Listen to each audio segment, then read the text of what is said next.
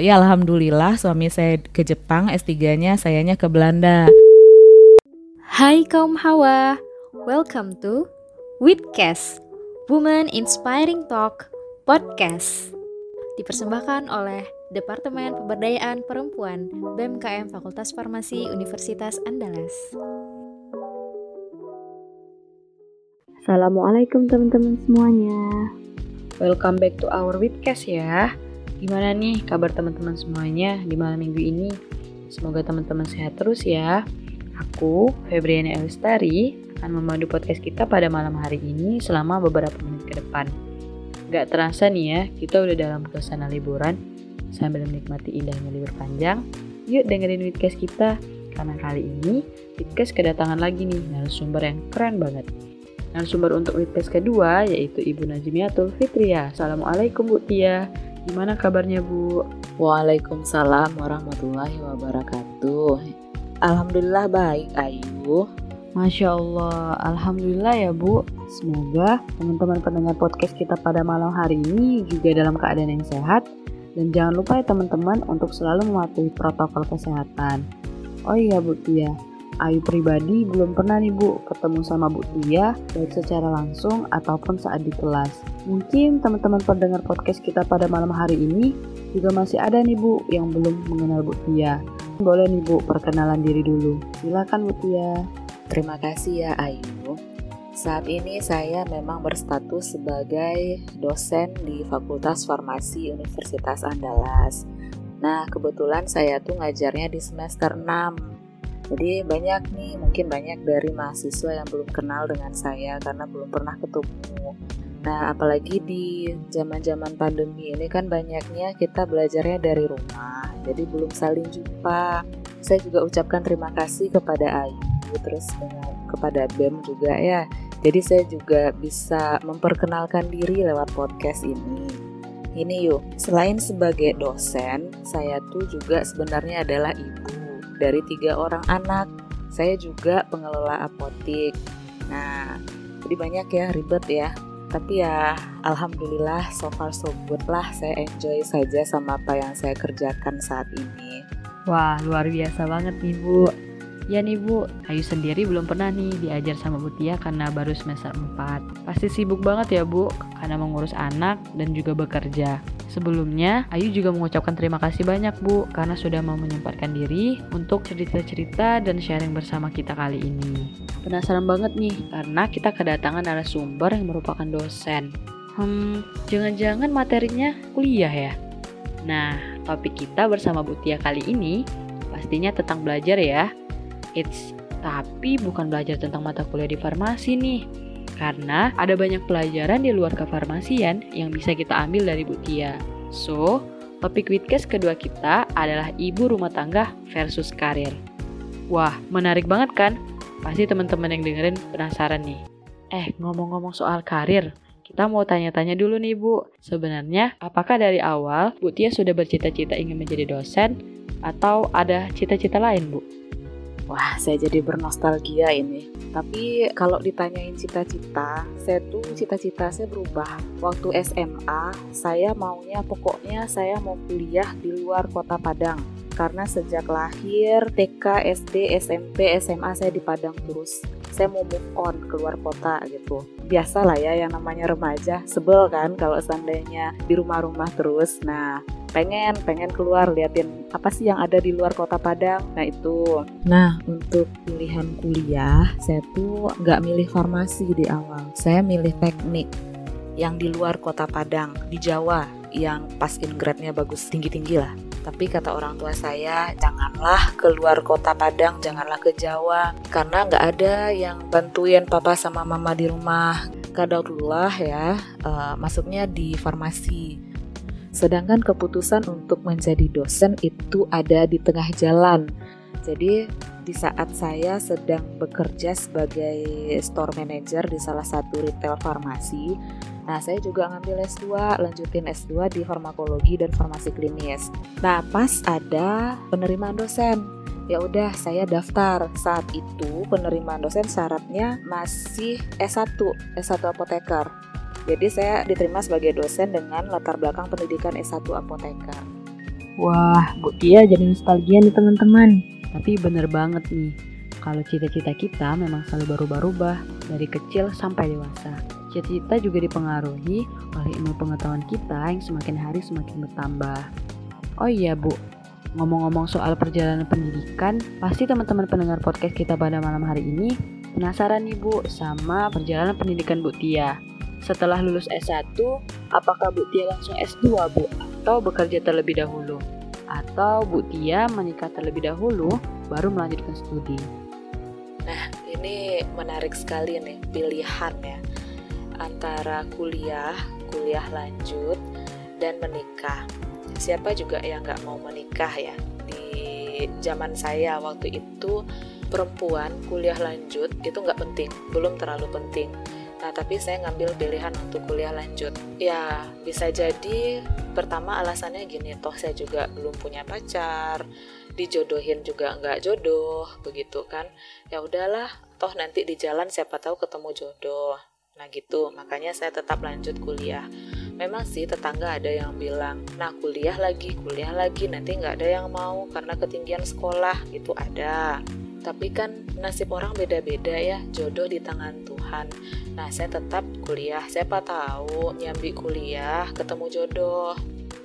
Saya masuk farmasi tahun 2002. PP saya ya kalau nggak salah itu 02131 nih masih ingat nih sampai sekarang nih kemudian lanjut profesi apoteker tahun 2006 itu selesai di 2007 Alhamdulillah sebelum saya wisuda itu saya udah diterima kerja sebagai store manager di salah satu retail farmasi di Indonesia penempatan saya di Padang. Nah habis itu ada pembukaan S2 farmakologi dan farmasi klinis. Nah, saya diajakin ya udahlah masuk aja lah S2 daripada duit saya habis untuk foya-foya nggak jelas kan biasanya tuh umur-umur segitu tuh maunya jajan terus. Jadi ya udah saya putuskan untuk ambil S2 di 2009. Kemudian pas ada lowongan ya dibutuhkan dosen. Nah, ada. Saya daftar pas setelah gempa 2009 Nah itu emang bener-bener ya dokumen saya entah ke mana itu letaknya. Belum lagi nyari legalisir yang susah, susah luar biasa. Tapi alhamdulillah saya bisa masuk ya untuk administrasi masuk. Kemudian tes, alhamdulillah juga kemudian diterima di tahun 2009 itu. Jadi saya start sebagai dosen di 2009. Wah, berarti Bu Tia memutuskan untuk bekerja terlebih dahulu lalu melanjutkan studi lagi ya Bu? Oh iya nih Bu, Ayu pernah dengar kalau Bu Tia udah kuliah sampai ke Belanda. Pasti teman-teman pendengar podcast kita pada malam hari ini kepo nih Bu.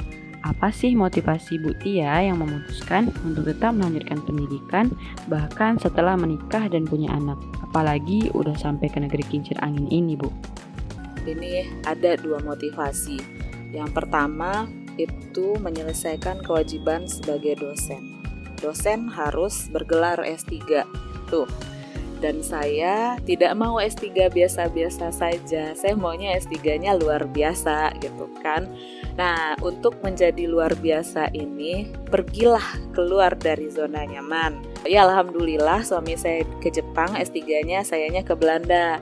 Meskipun dua-duanya negara penjajah, kita ambil yang positifnya, yang baiknya aja, jangan yang jelek-jeleknya kan.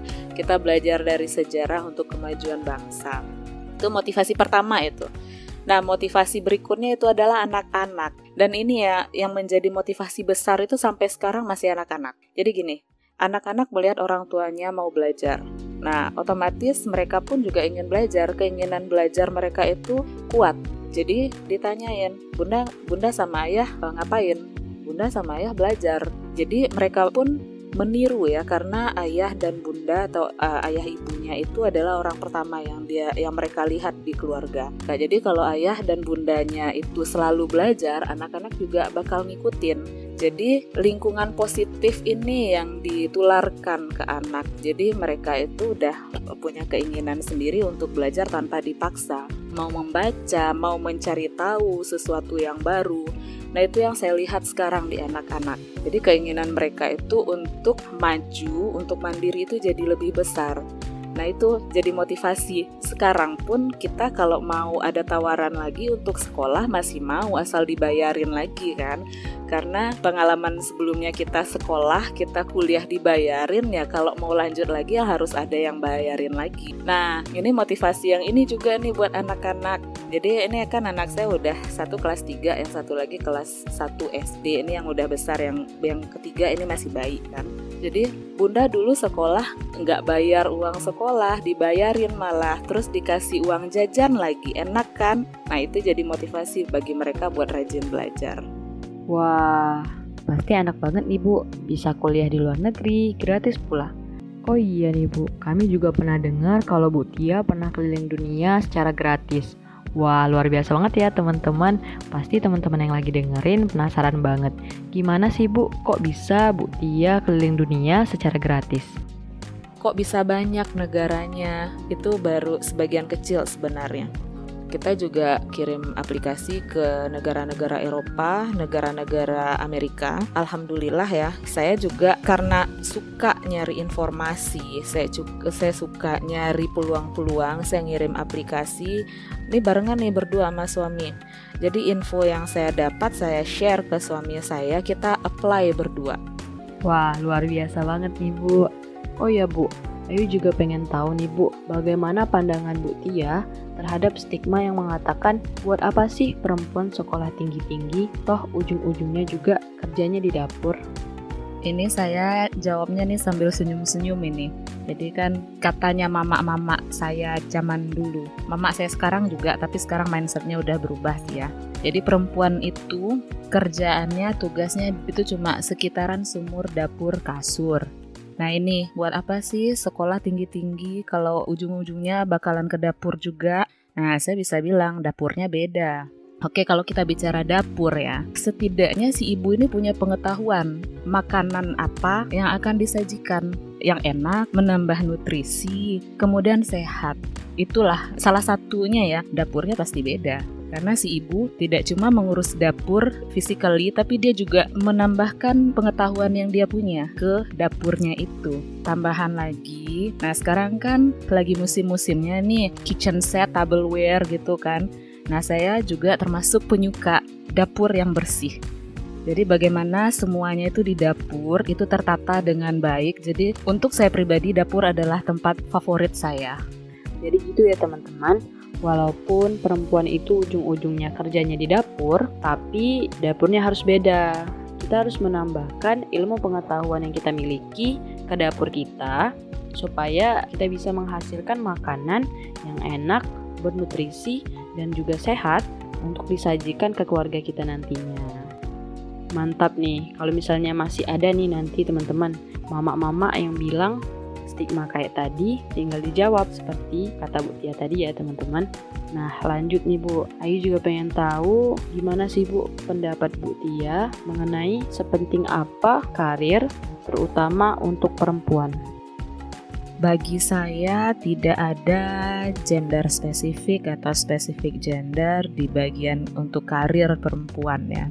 Udah misalnya saya bekerja sebagai dosen, ada ya dosen perempuan ada astronot perempuan ada, hakim perempuan ada, pengacara perempuan ada. Nah, jangankan itu, driver Gojek aja ada perempuan. Banyak lapangan pekerjaan di luaran sana yang sudah dijamah oleh perempuan. Jadi jangan juga berkecil hati nih para perempuan-perempuan Indonesia karena ini ya kita itu punya nilai, punya value. Nah terus satu lagi jangan membatas-batasi pekerjaan juga. Ah ini pekerjaan laki-laki. Nah itu kita mendoktrin diri kita sendiri. Nah jangan. Benar banget ya teman-teman. Seorang perempuan memiliki nilai atau value-nya tersendiri. Jadi kita nggak boleh nih teman-teman membatasi ruang gerak kita sebagai perempuan. Malah kita harus mengeksplor lagi diri kita agar menjadi perempuan yang berdaya. Seperti yang kita tahu, Bu Tia merupakan ibu rumah tangga sekaligus ibu yang berkarir atau ibu dengan peran ganda ya guys. Nah, kami pengen tahu nih Bu, menurut pengalaman Bu Tia sendiri, apakah karir seorang perempuan itu dapat mempengaruhi peran di rumah sebagai ibu dan juga sebagai istri? Wah, tentu saja berpengaruh. Kita lihat pengaruh positif negatifnya aja. Saya mulainya di negatif ya. Jadi memang yang kurang dari perempuan yang bekerja di luar itu adalah waktu untuk di rumah ini kurang. Cuma kan kita manusia diberi akal juga kan bagaimana cara menyeimbangkan waktu di luar dengan waktu di rumah. Nah sekarang positifnya, kalau ibu yang keluar emang benar-benar niatnya tulus bekerja nambah penghasilan ini kita kalau bicara penghasilan ya itu juga berpengaruh kepada pertama lah ya pemasukan kehidupan dari rumah tangga itu sendiri. Atau sekarang ibu juga bisa bekerja dari rumah juga.